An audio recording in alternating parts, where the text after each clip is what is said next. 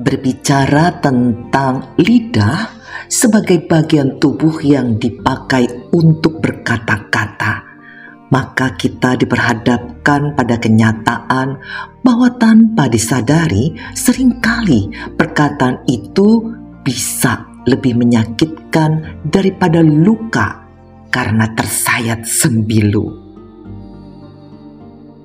apalagi ketika penyampaian kata tersebut diwarnai oleh rasa tidak puas, kemarahan, kekecewaan, atau kebencian.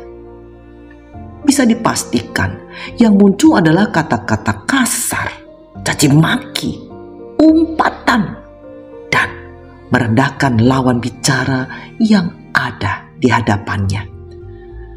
Ironis sekali jika lidah yang seharusnya dipakai untuk menciptakan perkataan yang membangun kehidupan, pada saat yang sama juga berpotensi untuk menghancurkan kehidupan.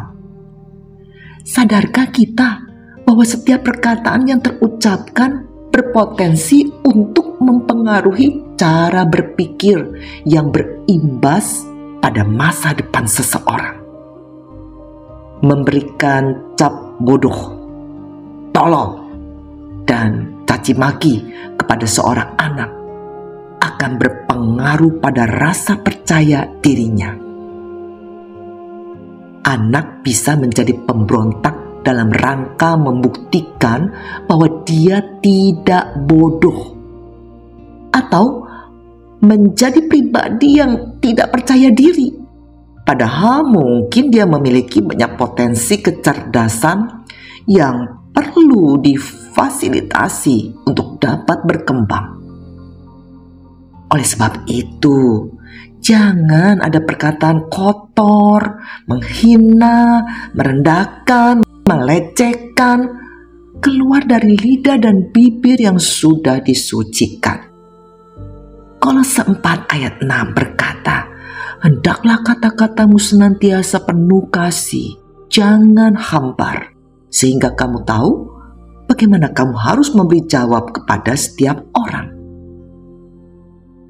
Penyelamatan Kristus seharusnya mengubah perilaku dasar manusia yang hanya dikendalikan oleh perasaan.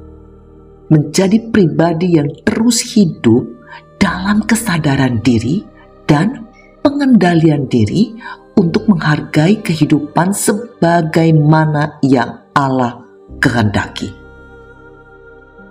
berkata-kata buruk tentang sesama, itu berarti kita sedang menghina Allah yang telah menciptakannya.